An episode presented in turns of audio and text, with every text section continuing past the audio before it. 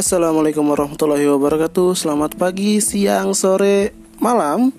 Kapan pun kalian mendengarkan podcast ini Kembali lagi di Jumat Bersalin Podcast. Podcast yang Gak Ini gak tahu sih tujuan podcast ini bikin buat apa. Intinya kita hanya ingin menyalurkan beberapa Aspirasi dari teman-teman Jumat Bersalin. Kali ini sama gue Dani Yang akan memandu kalian dalam beberapa saat ke depan nggak tahu sih nanti apakah bakal ada anggota Jumat bersalin yang lain yang bakal gabung.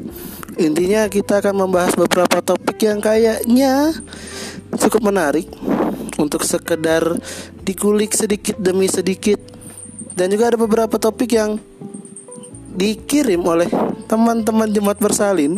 Teman-teman jemaat bersalin itu maksudnya orang yang mendengarkan podcast kami. Oh ya, terima kasih untuk yang sudah mendengarkan episode 00 dengan segala keterbatasan yang ada dan kami mengapresiasi keikhlasan kalian dalam mendengarkan podcast kami. Oke, balik lagi tadi kita ada beberapa topik yang mungkin dari uh, ada beberapa yang masuk ke Jumat Bersalin Agensi. Oh ya, Instagram kami jangan lupa Jumat Bersalin Agensi followersnya alhamdulillah tidak bertambah sejak beberapa waktu yang lalu bantu kami untuk menuju 100 followers ya 100 gak pakai kak ada kita dapat beberapa topik yang untuk dibahas dalam podcast kali ini dari DM yang sudah kalian kirimkan. Nanti kita mulai dari topik yang pertama.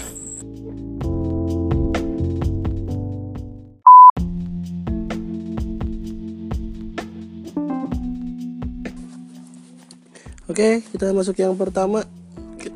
Kami Jumat Bersama pertama mengucapkan selamat datang untuk seluruh mahasiswa baru di mana pun kalian berada, terutama untuk kampus kami tercinta, satu-satunya universitas negeri di Jakarta. Selamat bergabung bersama para penggerak perubahan. Eh, bahasa gue udah kayak bagus. Para penggerak perubahan yang ya kalian nikmati saja nanti masa-masa kampus kalian. Intinya eh uh, kema agak jadi ingat sih dulu pas zaman kami Jumat bersalin MPA ya. Kalau di kampus kami namanya MPA masa pengenalan akademik. Sekarang apa sih namanya? Ya anggap saja MPA juga. Dulu buat segala macam penugasan. Dan ternyata ada sih hikmahnya. Kita terbiasa dengan deadline. Ya walaupun yang ngomong ini sebenarnya nggak ikut MPA jurusan karena salah pakai sepatu dan akhirnya pulang ya. Maaf kakak-kakak yang mendengarkan akhirnya setelah tujuh tahun rahasia ini terbongkar ya.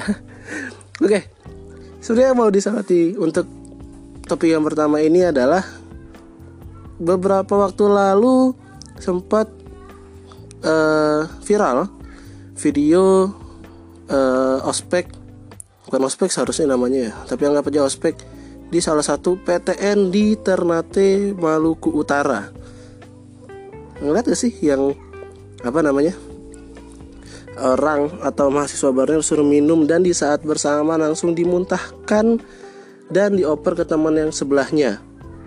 Jijik ya saya rasa kalau kayak gitu tuh yang diperlu di ospek bukan mahasiswa barunya seniornya yang perlu di ospek but oke okay. seperti layaknya semua kasus di Indonesia kita tunggu klarifikasi setelah itu kita tunggu permintaan maaf dan bernangis-nangis di media sosial setelah viral oke okay. lalu sebenarnya harapannya sih dari MPA ini terbentuk karakter-karakter aduh bahasa gue kayak bagus banget. Intinya semoga MPA ini berguna ya buat kalian seluruh mahasiswa baru.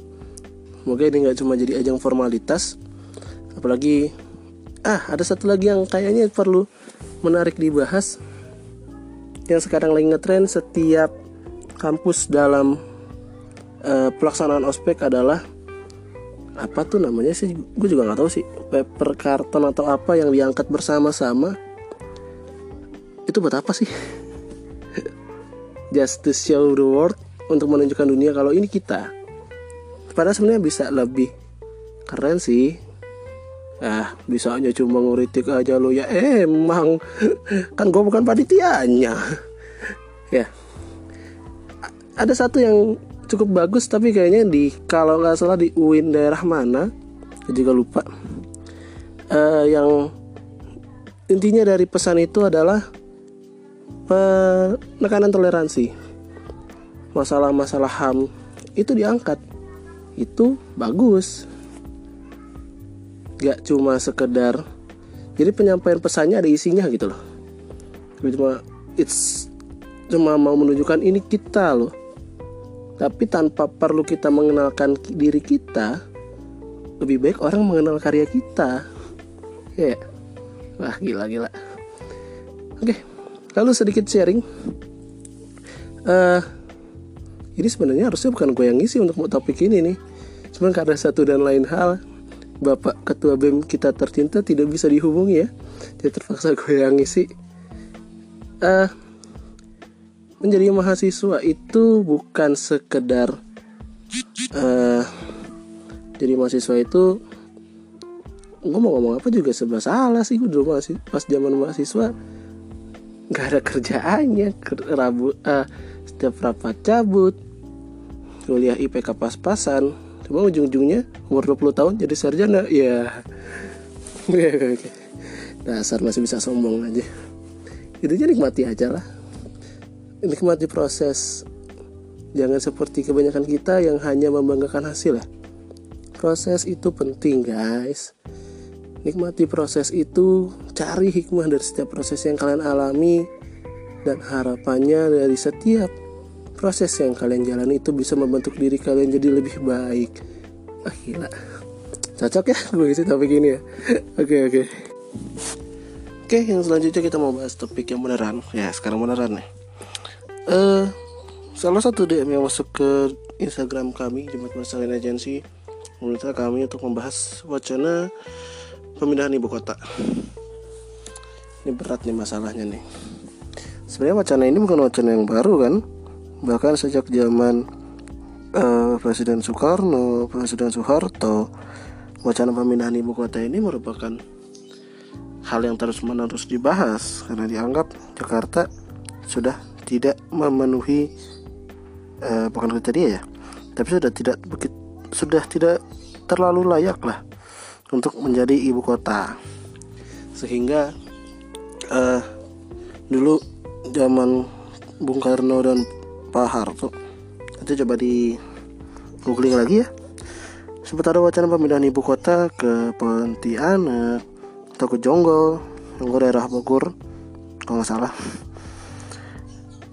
dan saat ini Bapak Presiden kita Joko Widodo sudah memfiksasi bahwa ibu kota akan pindah ke daerah Penajam Pasar Utara dan kota Kartanegara. Jujur, 99% dari kita yang gak pernah ke Kalimantan pasti baru pertama kali mendengar daerah Penajam Pasar Utara. Kalau kota Kartanegara mungkin beberapa pecinta sepak bola lokalan udah pernah kedengar. Karena musim kemarin tim daerah sana ada di kasta tertinggi ya Liga 1 Mitra Kukar. Yang akhirnya ke degradasi yang kata kata mafia ya udah oke, oke nanti kita bahas di podcast yang berbeda. Intinya kalau ditanya apakah bagaimana tanggapan kami? Kalau menurut gue pribadi ini uh, ini pendapat gue pribadi ya. Uh, sebenarnya gue dulu pernah ngebahas masalah wacana pemindahan ibu kota di satu makalah waktu zaman SMA gue juga baru ingat pas kemarin bongkar-bongkar file SMA ya karena iseng aja ya ternyata gue pernah bahas masalah ini gue baca lagi wah gila tulisan gue SMA berantakan. Hmm. tapi wajar lah kita semua juga kayak gitu kan ya. Proses biro proses. Intinya kalau menurut gue pribadi gue sih setuju ibu kota kita pindah. Titik titik dulu ya. Gue setuju ibu kota kita pindah. Tapi Nah Tapi yang pertama Bukan saat ini. Dengan segala masalah yang ada Gue rasa masih ada beberapa prioritas masalah yang harusnya didahulukan sama pemerintah kita. Kayak contohnya BPJS mau naik dua kali lipat, udah denger? Wah, yang biasa bayar 40 ribu jadi berapa? Dikali dua aja. Dan itu katanya sih udah disetujui. Hadiah ya dua periode. Atau masalah uh, di di ujung timur Indonesia yang katanya sudah sampai bentrok segala macam mending itu dulu yang diperbaiki lah atau yang difokuskan. Dan bahkan dari gue belum kalau gue ya mungkin gue maunya yang masih kurang ngebaca atau gimana gue sendiri belum melihat uh, sebuah analisis yang mendalam dari ini, masalah ini.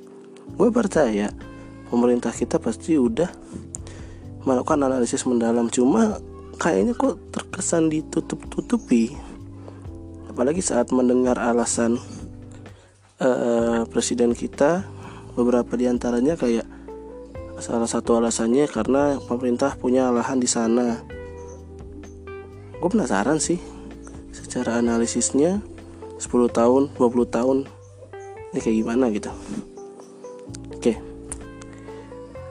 Nah, karena kita sendiri dari Jumat Bersalin dari jurusan biologi mau nggak mau kita uh, sebenarnya ini masalah. Ini kalau lihat dari aspek lingkungannya agak ini ya rentan sih sebenarnya. Uh, gue pernah lihat postingan dari Kemenristek Dikti. Kemenristek Dikti ya? Lembaga pendidikan tertinggi bukan Mendikbud. Yang mau bilang bahwa tidak akan merusak segala macam pemindahan ibu kota ini it's hard to believe bro. Gue pengen percaya tapi gak bisa percaya. Masalahnya nggak jadi ibu kota aja begitu. Gimana jadi ibu kota? Yang otomatis butuh pembangunan segala macam segala macam segala macam. Terus kalau dilihat dari anggarannya besar banget. Walaupun beberapa pihak bilang oh mahalan juga anggaran yang diminta Pak Anies dalam untuk membangun ibu kota katanya sampai 500 triliun. Pindah ibu kota cuma 400 triliun. Itu nggak apple to apple sih menurut gue. Ya masa-masa pembangunan kota cuma tujuannya berbeda. Itu ya. Belajarlah kita melihat sesuatu secara objektif aja gitu. Jangan suka melihat sesuatu karena siapa yang bilang tapi apa yang dia bilang cocok kan gue jadi guru oke okay. masalah selanjutnya sebenarnya setelah nanti dipindahkan ini udah masa periode kedua Presiden Jokowi kira-kira kita coba berandai-andai deh Emang sih dalam politik itu yang tadinya teman bisa eh, yang tadinya kawan bisa menjadi lawan dalam waktu sekejap ya. Seandainya Pak Jokowi mundur. Eh sorry sorry. Pak Jokowi masa jabatannya 2024 selesai. Pemindahan ibu kota selesai. Lalu kita milih presiden yang baru lagi. Presiden yang baru lagi beranggapan bahwa ah ini kayaknya gak cocok deh ibu kotanya di sini gitu mending kita balikin lagi aja ke Jakarta wah konspirasi sekali. Ya tapi serius. Harapannya sih ini sudah disetujui semua pihak ya. Bukan hanya sebuah rencana pemerintah. Walaupun uh, ha, tiga hari yang lalu gue nonton pagi-pagi sebelum ngajar. Sorry lagi sambil piket. Gue ngedengar uh, salah satu anggota DPR yang nanti terpilih lagi berkata bahwa ini pemerintah nggak ada komunikasi sama sekali sama kita. Itu ya. Yang pasti yang, yang, yang pasti yang bilang bukan dari fraksi pemerintah. Tapi ya kita ambil isinya bahwa sebenarnya ini masalah komunikasinya juga perlu ditingkatkan guys. Itu ya. Jadi intinya menurut gue pribadi ibu kota harus pindah saat ini. Dasar ibu kota memang sudah layak untuk pindah tapi masih banyak masalah lain yang perlu difokuskan dan dikedepankan oleh Bapak Presiden kita Bapak Joko Widodo untuk di periodenya yang kedua. Boleh setuju boleh enggak? Tidak ada paksaan di sini. Boleh share pendapat kalian di IG kita di Jumat Bersalin Agensi. Kita sangat terbuka sekali terhadap pendapat yang berbeda.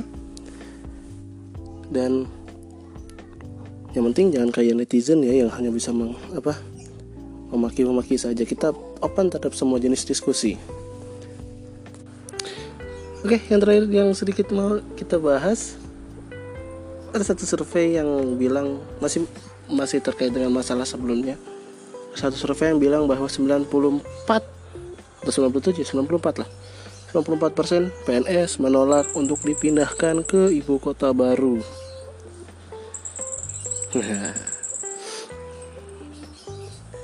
gimana kalau gue? Kalau gue sendiri sebenarnya gini.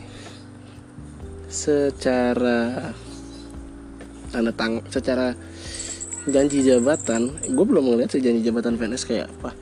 Karena gue belum jadi PNS juga ya.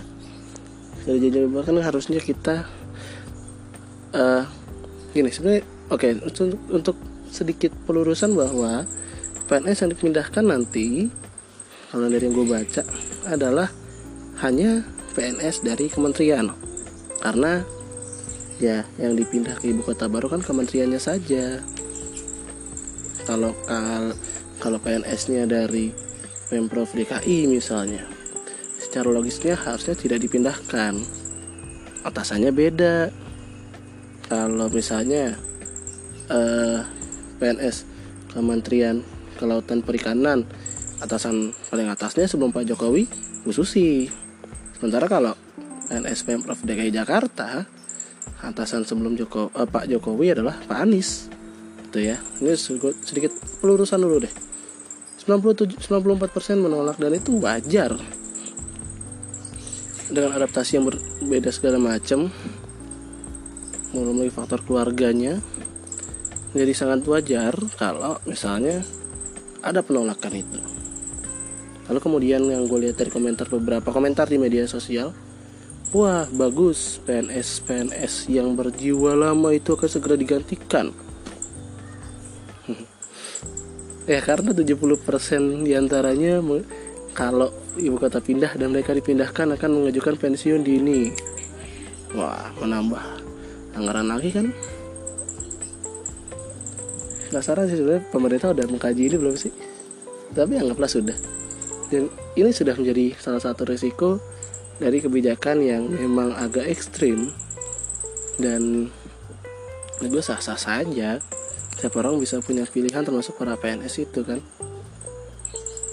Dan justru bagus seperti tadi komentar di media sosial yang bilang kalau misalnya wah nanti akan ada jiwa-jiwa baru yang mengisi jiwa-jiwa lama atau menggantikan jiwa-jiwa lama yang telah mengundurkan diri. Memang ada jaminannya akan menjadi lebih baik. Harapannya iya, harapannya akan lebih baik. Tapi sedikit sharing, let's uh, sebelum seseorang menjadi PNS, kita harus mengalami atau melewati fase yang namanya pelatihan dasar. Dan jujur, sedikit uh, hasil ngobrol dengan beberapa PNS yang memang sudah menjadi PNS dan sudah mengikuti latsar. Untuk yang tahun kemarin penerimaan tahun kemarin latsarnya jauh lebih berat. Gue ngalamin sendiri gitu ya. Empat minggu. Ya seperti latsar pada umumnya cuma dengan uh, apa namanya materi yang lebih banyak. Selama empat minggu itu kita berkutat dengan materi sebenarnya nggak 4 minggu sih sebenarnya tiga minggu tiga minggu sekian. Nah kalau Jakarta kita dikasih tambahan materi ujian barang dan jasa. Itu lahan basah banget jujur itu lahan basah banget. Dan kalau dan itu rawan. Gue lulus tapi masalahnya. Ya oke okay lah. Ya materinya banyak banget dan harusnya sih diharapkan dari materi yang banyak itu kita menerima materi yang banyak dan tahapannya yang masih berlangsung sampai dua bulan tiga bulan setelahnya kita bisa menjadi agen perubahan. Ya kayak mahasiswa tadi gitu kan. Kita jadi saja jadi agen perubahan di tempat kita. Kita bisa uh, menjadi pionir perubahan yang harapannya bisa menggantikan PNS-PNS lama tadi. Gitu ya. Jadi ya terserah lah bagus juga kalau misalnya nanti para pensiun pada pensiun dini kan kan jadi bisa menemukan lapangan kerja baru ya iya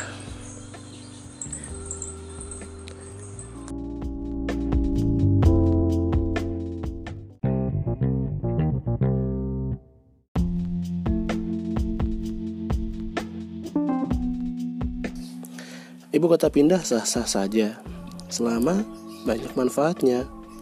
Ini masalah pelik. Jadi, mesti sama-sama dikulik. Jakarta berganti jadi kota bisnis dengan nantinya sejuta daya tarik magis. Ibu kota baru pun ditetapkan dan dia adalah Kalimantan. Ada sejuta harapan bahwa nantinya Indonesia akan jadi lebih mapan. Sekian podcast kali ini. Kalau ada tutur kata gue yang menyakiti hati atau salah perkataan mohon dimaafkan. Karena seperti kata Koko Harry minggu lalu, segala kesalahan datangnya dari manusia, sementara kalau mengharapkan kesempurnaan datangnya dari Allah. Oke, sampai jumpa di podcast selanjutnya. Wassalamualaikum warahmatullahi wabarakatuh.